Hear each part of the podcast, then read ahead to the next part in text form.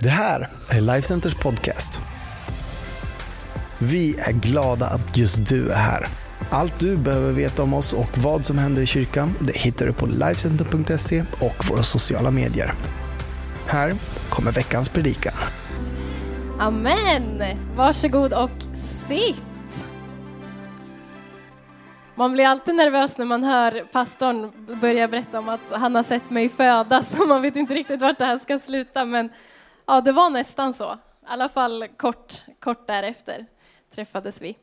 Eh, Ebba heter jag. Jag är 28 år. Jag är eh, gift med Tim, mamma till två tjejer som eh, är någonstans i vårt kidsarbete som älskar kyrkan. Jag eh, pluggar till pastor och eh, jag eh, ja, har varit med här sen, det var typ jag som startade vårt kidsarbete kan man säga, jag och mina syskon. Vi har varit med här länge och älskar den här kyrkan och jag är så taggad på att få predika idag. Idag så ska jag undervisa, alltså det här gänget, våra mellanstadiekids som sitter redo med papper och penna och sådana här stressbollar man kan klämma på ifall jag blir tråkig och man håller på att somna. Det här är våra förebilder idag.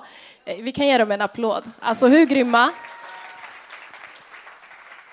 Bästa, ni får komma till mig sen och fråga om alla svåra ord som ni inte förstod. Men idag så ska jag undervisa lite. Vi ska prata om att Jesus är Guds lamm. För vissa så tänker ni så här, men vadå, det vet vi ju. det kommer upp en bild på ett lamm snart, så därför jag tänkte. Men jag tror att för många i typ min ålder och lite yngre och du som kanske inte har varit med i kyrkan i hundra år så kan man tänka lamm, vad har det med Jesus att göra? Och man kanske hör i vissa äldre lovsånger att vi benämner Jesus som Guds lamm. Så idag så ska vi kolla lite på vad det betyder, för det är någonting väldigt viktigt och något väldigt fantastiskt. Är ni redo? Härligt. Okej, okay, vi ska börja med att läsa ifrån Johannes evangeliet 1 och 29. Är ni med? Har ni skrivit upp det? Johannes evangeliet 1, 29. Bra, pennan glöder. Där är Johannes döparen som ser Jesus komma. Det här är precis i början av Jesus tjänst. Han har precis blivit döpt. Han ser Jesus och han säger, eller det står så här. Nästa dag såg han Jesus komma och han sa, se Guds lamm som tar bort världens synd. Och det här är också titel på min predikan idag. Se Guds lamm som tar bort världens synd. Jesus, jag tackar dig för att du är här idag. Jag tackar dig för att vi får komma hit andra advent och fira dig tillsammans. Fira allt det du har gjort för oss. Jag ber dig att du verkligen ska möta oss idag. Jag ber dig att vi ska få läsa de här bibelorden om dig och få bli ännu mer förälskade i dig. Få lära känna dig ännu mer, Herre. Jag tackar dig för att du älskar varenda person som är här idag. Välsigna den här predikan. Amen. Vi kan ta upp bilden om ni har den. Lamm, visst är det gulligt? Det här är ju lamm i våran kultur. Det är någonting gulligt, någonting fluffigt. Handen på hjärtat. Hur många här drömde någon gång som barn om att bo på en gård och ta hand om ett föräldralöst lamm? Ja, jag vet att det är fler än jag. Man såg det på Bolibompa och man tänkte tänk att få sitta så där med nappflaska och liksom de har ingen mamma så jag får mata dem och alltså det var ju drömmen. Men lamm, jag förknippar ju inte lamm med någonting stort och mäktigt. Så man kan undra varför Johannes döparen väljer att beskriva Jesus som ett fluffigt lamm och inte typ en tiger, en örn. Det finns ju mäktigare djur om man säger så. Men det vi behöver förstå när vi läser Bibeln, det är att Jesus pratar inte, eller Johannes pratar inte till svenska förskolebarn som har sjungit Bäbe vita lamm, rock'n'roll hej, utan han pratar med judar. Och i den här kulturen så var det ingenting konstigt att offra djur till Gud. Redan de första människorna offrade djur till Gud. Det står att Eva och Adams barn Kain och Abel offrade eh, av sitt förstfödda lamm och av sin första gröda och lammet var det som Gud gillade. Det finns många som känner till historien om när Abraham i Bibeln blev tillsagd att han skulle offra sin son Isak. Det är ju en ganska, det finns många spännande historier i den här boken. Vill ni läsa mer eh, ifrån den historien så gå hem och läs första Mosebok kapitel 22, för det är en ja, både konstig men fantastisk historia.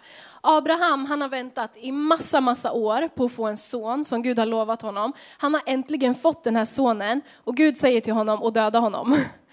Det, vi kan erkänna, det är, vissa grejer tycker vi är lite konstiga.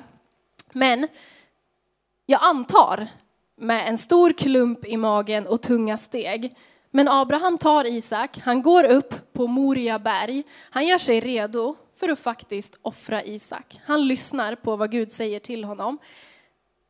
Isak han märker att vi har ved, vi har eld, men vi har inget djur. Eh, han frågar farsan vad är det som eh, pågår, hur ska vi kunna offra? Och Abrahams svar är ganska coolt i relation till vad Johannes sen kallar Jesus för.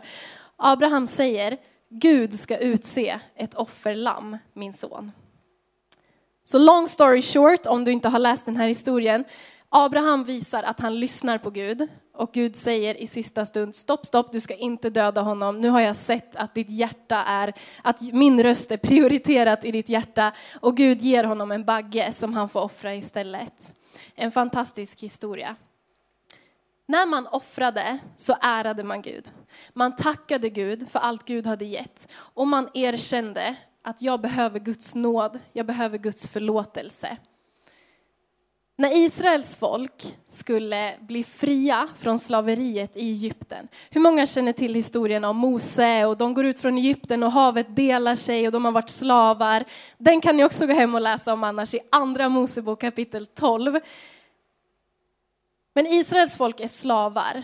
Det har sänts massa plågor mot Egypten, men deras ledare är hård i hjärtat och säger fortfarande nej, ni ska stanna, jag ska ha er som slavar. Och det har blivit dags för den sista plågan. Gud ger Mose och Aron, som var ledare för Israels folk, supertydliga instruktioner för vad de ska göra. Varje israelitisk familj ska välja ett påskalamm som de ska offra till Gud. De ska slakta det i skymningen de ska ta blodet från lammet och stryka över sina dörrar. Och det här blodet på dörrarna ska bli ett tecken. För den natten så ska den sista plågan komma, som är att alla förstfödda i Egypten ska dö. Det är mycket död idag, men det kommer att sluta bra. Eh, det här blodet blir ett tecken på att de som bor där, det är Guds barn, de ska leva. Lite senare så får eh, folket instruktioner kring andra olika sorters offer. De hade brännoffer, de hade skuldoffer, de hade syndoffer, de hade gemenskapsoffer. Det fanns massa olika eh, tillfällen i livet när man offrade till Gud. Och de här olika offren, de skilde sig lite åt, men gemensamt för alla djuroffer är att ett djur får ta min plats inför Gud.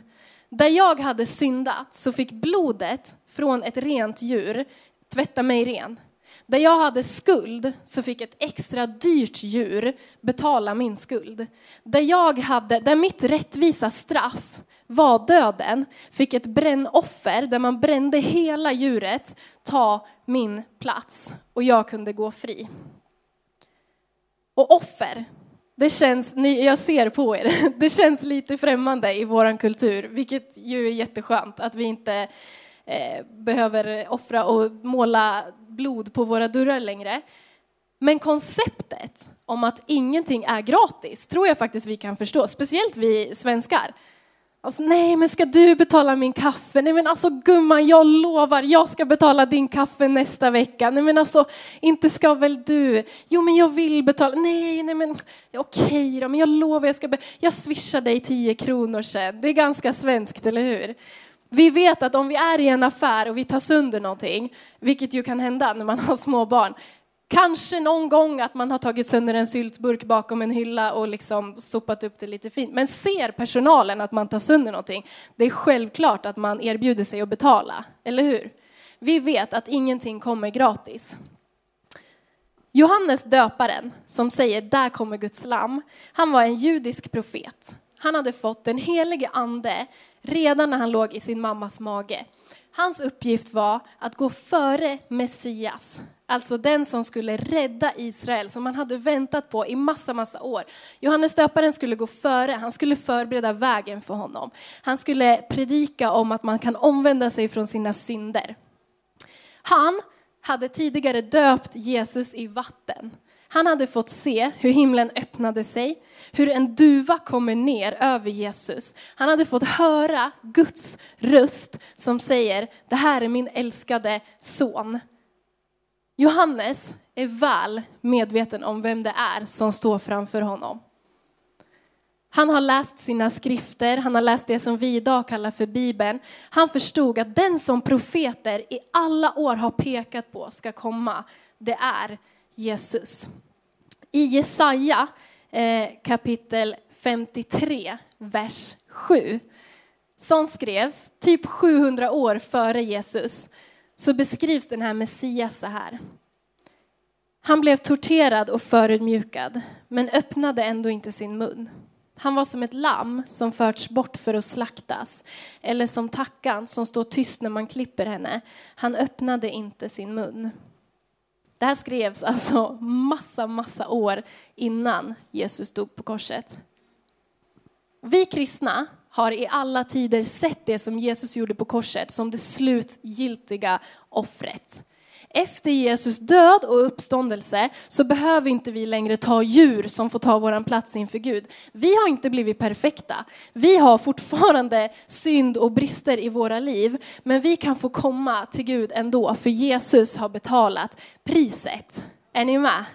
Så varför är det viktigt för oss att förstå Jesus som Guds lam? Jag har tre grejer idag eh, och jag tror att de kommer bli riktigt bra. Den första punkten, om ni vill skriva, är Jesus som Guds lam är våran perfekta role model. Han är våran förebild.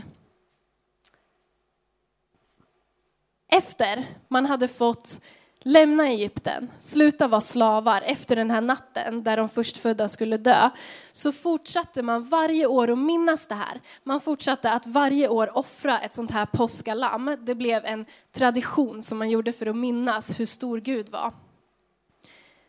Och visste du att Jesus död stämmer till punkt och pricka in på instruktionerna som Mose och Aron fick för de här påskalammen. Vi hinner inte gå igenom allt, men det, alltså det är så coolt. Ni läs det och googla på det om ni vill veta mer. Men Jesus dö, eh, när Jesus hängde på korset så krossades benen på de två som korsfästes samtidigt som honom. Det gjorde man, för att när man hänger på korset, det är ju alltså tortyr, men det man dör av, det är att man kvävs, för att man hänger liksom, man säckar ner, så till slut så kvävs man. Därför, för att det skulle gå snabbare, så krossade man ibland benen, för då kunde man inte trycka upp sig själv för att få luft.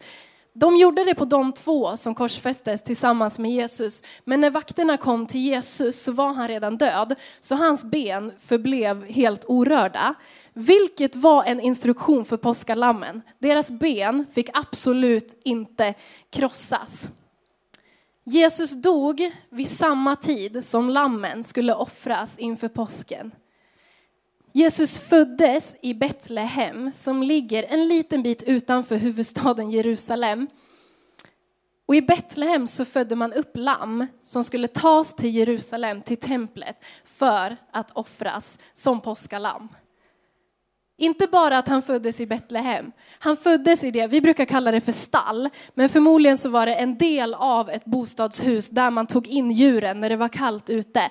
Där föddes Jesus, han lades i en krubba det är alltså möjligt, jag säger inte 100% att det är så, men det är alltså möjligt att Jesus, att våran Gud, våran Herre föddes på samma ställe som offerlammen föddes. Som sen skulle tas in till Jerusalem, till templet, som skulle säljas till en familj, som skulle offra det till Gud för försoning för deras synder. Alltså är inte det sjukt coolt? Ja, ja men jag tycker det är jättecoolt. Påskalammet skulle vara felfritt. I andra Korintierbrevet eh, kapitel 5, vers 21 så beskriver Paulus Jesus så här.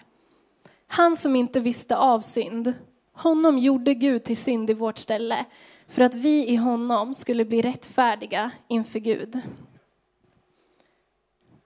Se Guds lamm. Jesus han klarade det som ingen människa hade klarat av. Han var fläckfri. Han visste inte av synd.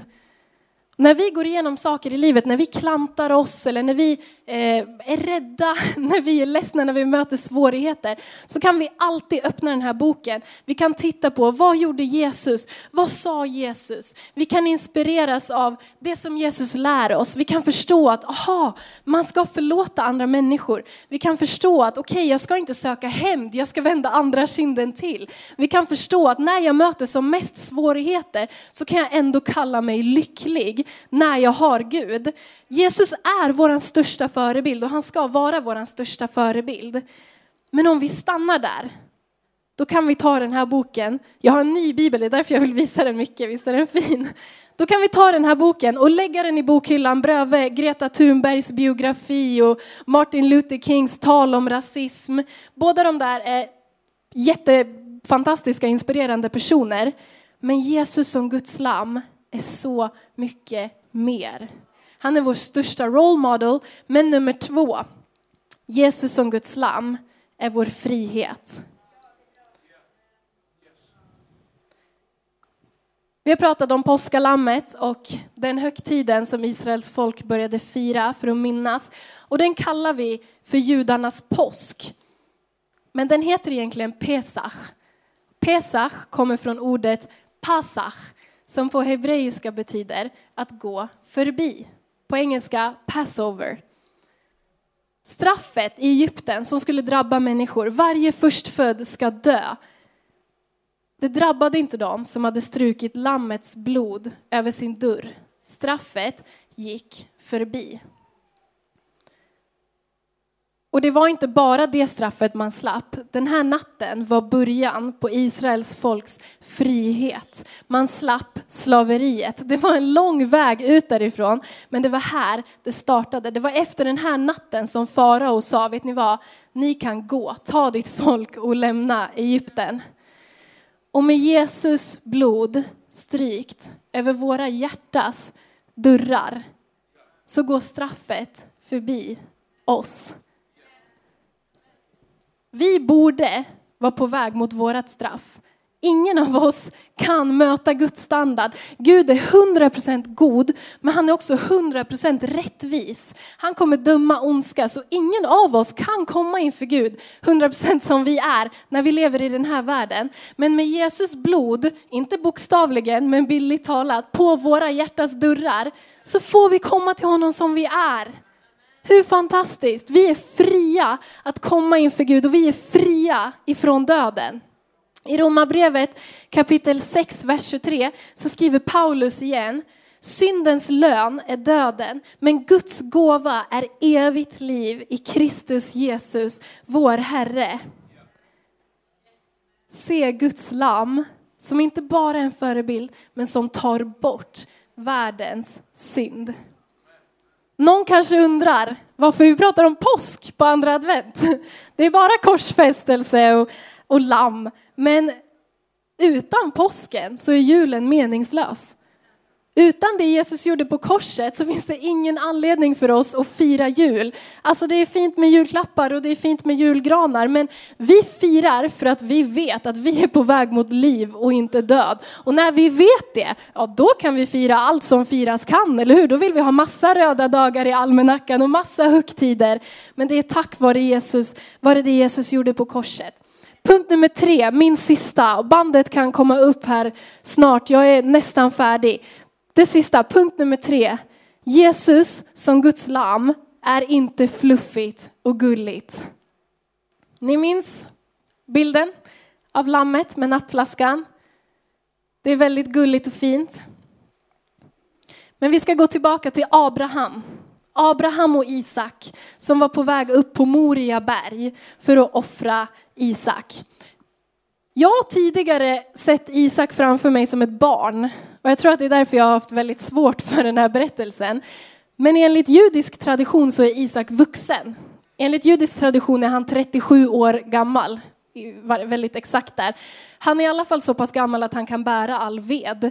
Ehm, det står ingenting om att Isak gjorde motstånd när Abraham la honom för att offras, vilket han ju borde ha kunnat göra om han är vuxen, eller hur? Hans pappa var liksom hundra bast. En 37-åring, jag tror ändå, hade han inte velat så hade han kunnat. Mycket tider på att Moria berg, där Isak skulle offras, är samma berg som Golgata senare ligger på. Där Jesus korsfästes.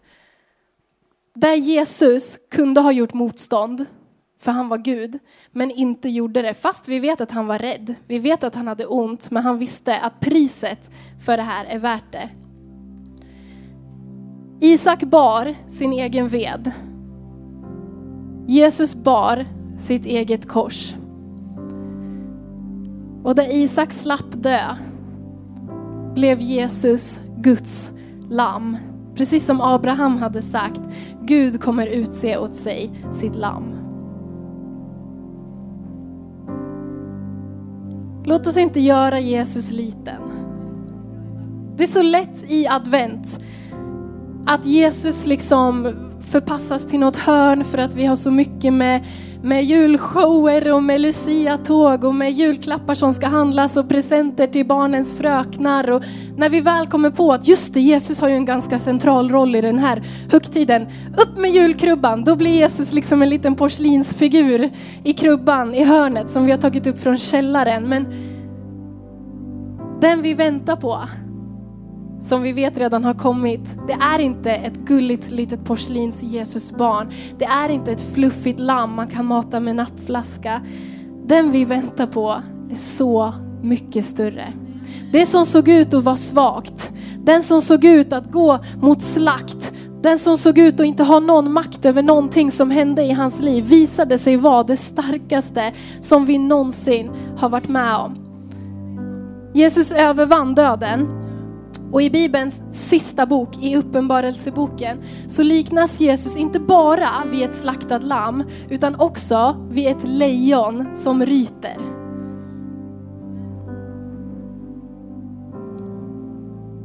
Jesus är vår räddning. Jesus är mäktig att döma hela världen. Så hur kan vi göra honom större i våra liv i advent? Jag tänker att vi behöver inte bli konstiga som kristna. Vi behöver inte säga att så här, nej men jag kan inte följa med på julbordet med jobbet för jag ska vara hemma och ta nattvard varje dag hela december. Det är inte det jag är ute efter.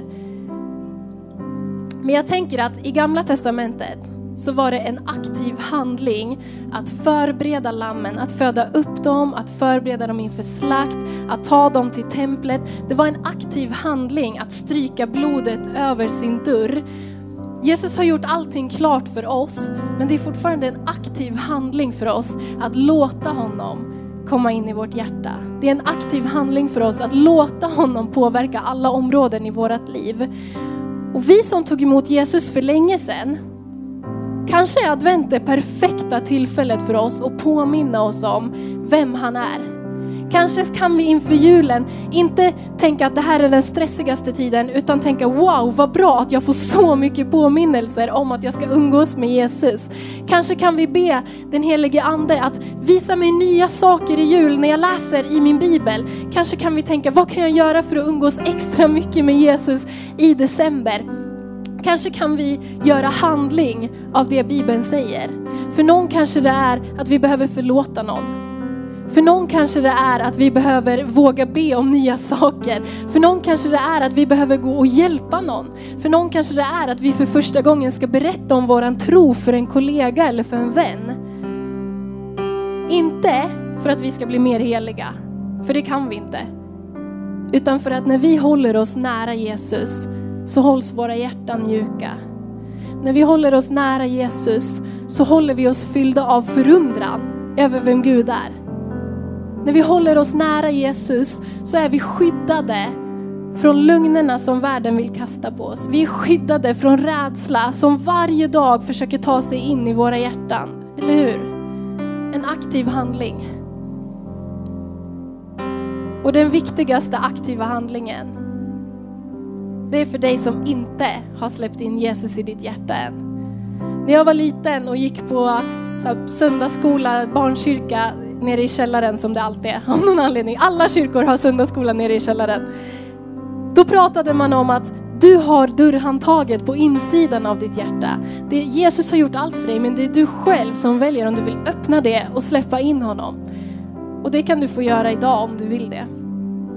Det har varit mycket bibel idag. Det har varit mycket historiska hopp, mycket undervisning. Men jag hoppas att du har fått med dig en sak. Och det är att Jesus har gjort allt för dig. I honom är vi fria att komma till Gud. I honom är vi fria ifrån döden. Och du kan få ta emot honom idag som din bästa vän och som din Herre. Vi ska resa oss upp och blunda. I alla våra gudstjänster, året runt, så ger vi möjlighet för dig som vill lära känna Jesus att sträcka din hand och be en bön tillsammans med oss och få ta emot honom i ditt hjärta. Och det kommer vi göra idag också. Det är så många av oss här inne som har tagit det beslutet. Och det är helt ärligt det bästa beslutet jag någonsin har tagit. Jag är aldrig ensam. Jag går igenom saker, men jag kan alltid komma till Jesus och få frid. Jag kan alltid komma till Jesus och känna att det finns ett syfte med mitt liv. Jag vet att oavsett vad jag möter så behöver jag inte vara rädd, för jag har Gud på min sida. Vi alla här inne blundar, inte för att jag ska göra något konstigt utan i respekt för varandra. Om du finns här inne som för första gången vill ta emot Jesus i ditt hjärta eller vill säga Jesus, jag har glömt bort dig, kom tillbaks in i mitt hjärta, jag vill komma tillbaka till dig. Så sträck din hand till mig just nu så ska vi be tillsammans. Yes.